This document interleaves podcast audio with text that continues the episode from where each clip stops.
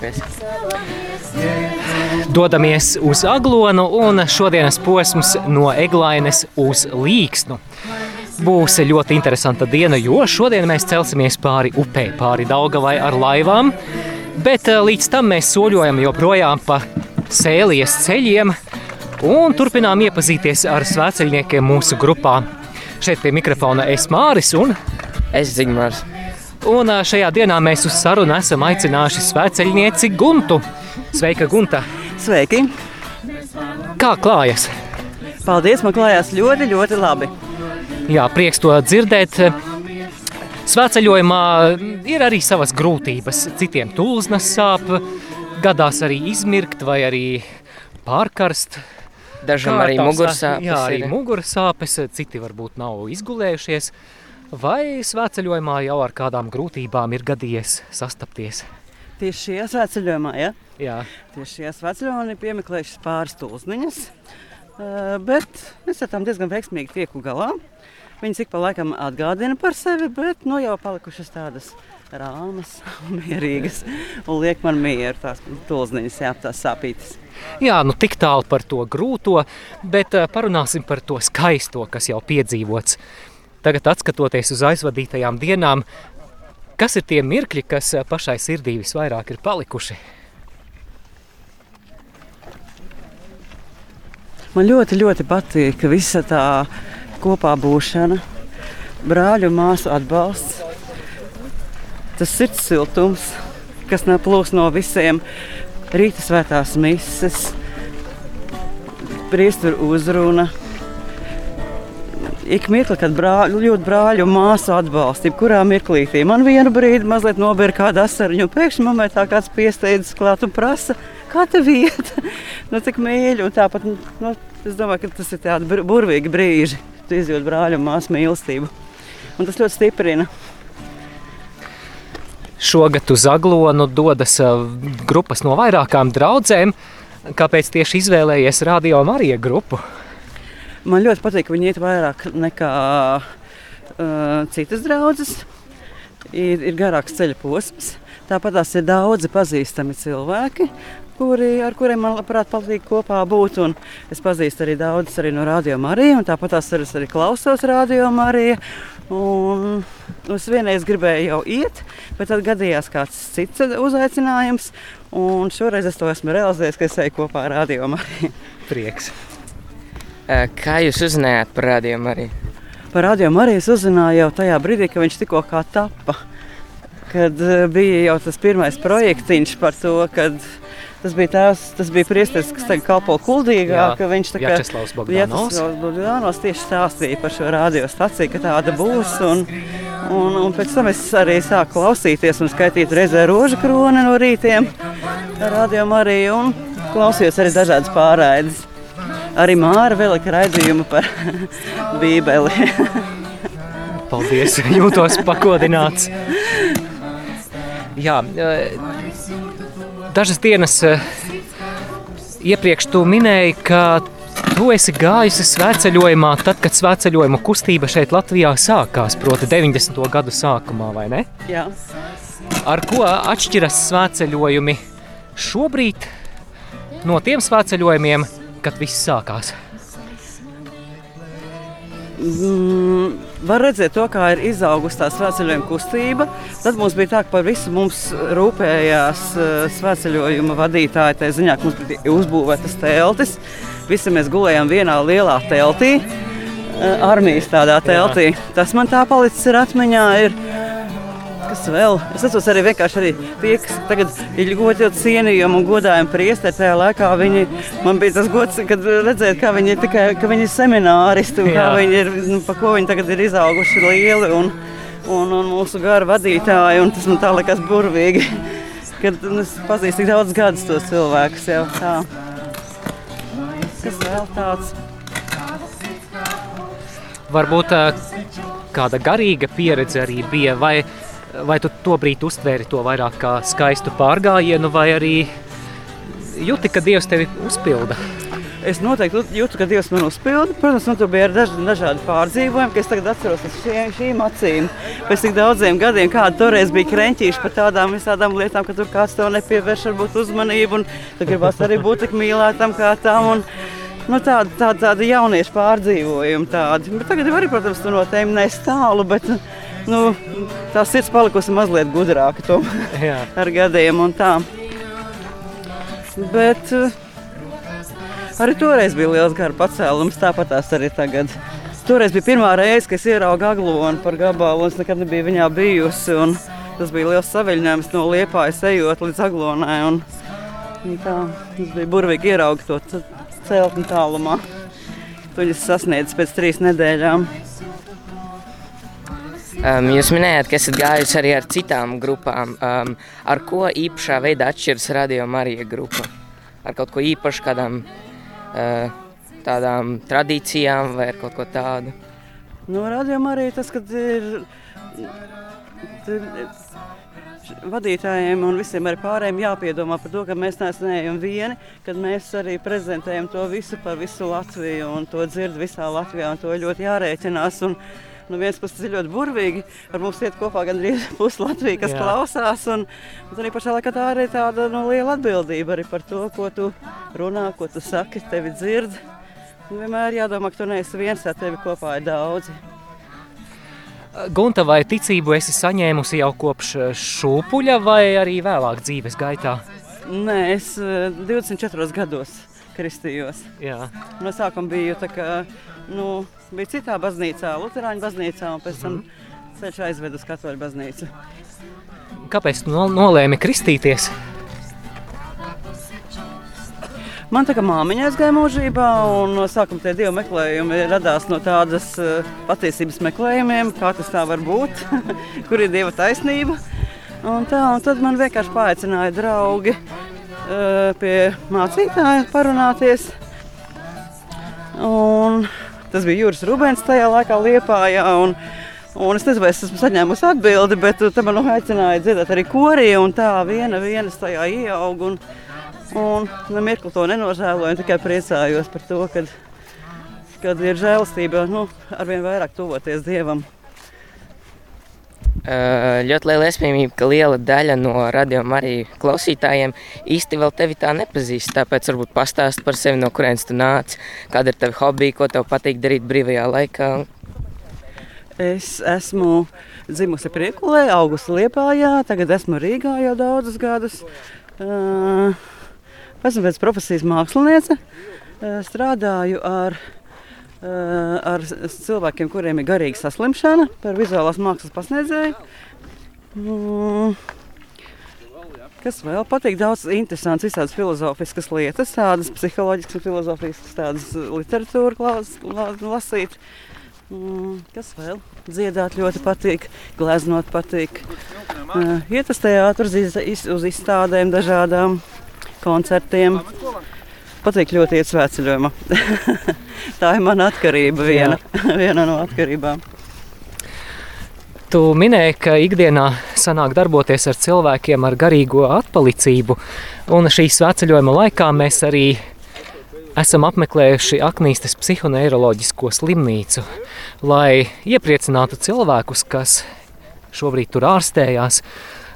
Kādas sajūtas bija? Nu, man bija tāda sajūta, ka man absolūti nekas nepārsteidz, jo tāpēc, es tādiem cilvēkiem regulāri esmu kopā. Es jūtos gan kā darbā, kā mājās, varētu teikt. Un, un man tas nemaz nebiedējas. Tas viss liekas ļoti, ļoti saprotami. Un, un tas man tā paši paš, paš iepriecināja. Es zinu, ka mēs dodamies kaut kur ceļā, kaut kur ar šādu nu, nu, cilvēkiem ir tāda diagnoze, cilvēki pārējiem ir tāda nu, pietāda bijība nedaudz tāda. To, to, to, to, A tu vari mierīgi, un tas ir tā. Jā. Tev nav neko jā, nav, nav no kā jābīstas. Un, un tas man liekas, liek justies tā labi. Tā. Uh, šīs vecuma laikā mēs arī iegriezāmies uh, Jāceļaušu pansionātā Mierenams. Varbūt kādas īpašas atmiņas no tās vietas. Nu, man palika atmiņā tā ļoti gados cienījamā vecumā sieviete, kurai bija 96 gadi. Un, un, un es tā nu, abrīnoju, ka varbūt Nu, tās arī skaistas vecumdienas, man liekas, tur tā pavadīt. Un, nu, Bet ja tu esi aprūpēts un apčubināts un samīļots, un tur ir arī kapeliņa. Un Tas man liekas tā, nu, skaisti tā novecot. Nu, ja, nav, ja pats vairs nav, es saprotu, ka ir cilvēki, kuri vairs nevar par sevi parūpēties, kuriem nav arī tuvinieki, kas var šo aprūpi veikt. Nu, tā kā tā, jā. Man prieks, ka, kad ir kas ka par tādiem cilvēkiem rūpējas. Ja aglonā tev uz pāvesta altāra dotu mikrofonu un tev būtu iespēja uzrunāt klātesošos, ko tu viņiem pateiktu? Nu, laikam vienīgais, ko es vairāk šobrīd gribētu, lai beigtos kā Ukrainā šobrīd. Mm, Nu, ir no tāda viedokļa, tiešām iestātos varbūt tāds liels, liels miers. Un... Bet pašā priekš sevis, protams, mēs vairāk gribētos, lai es varētu tiešām, lai Dievs man būtu pirmā vietā. un, kā saka, tad viss sakārtotos arī tavā dzīvē. Es pēc tā ilgojos kaut kas tā.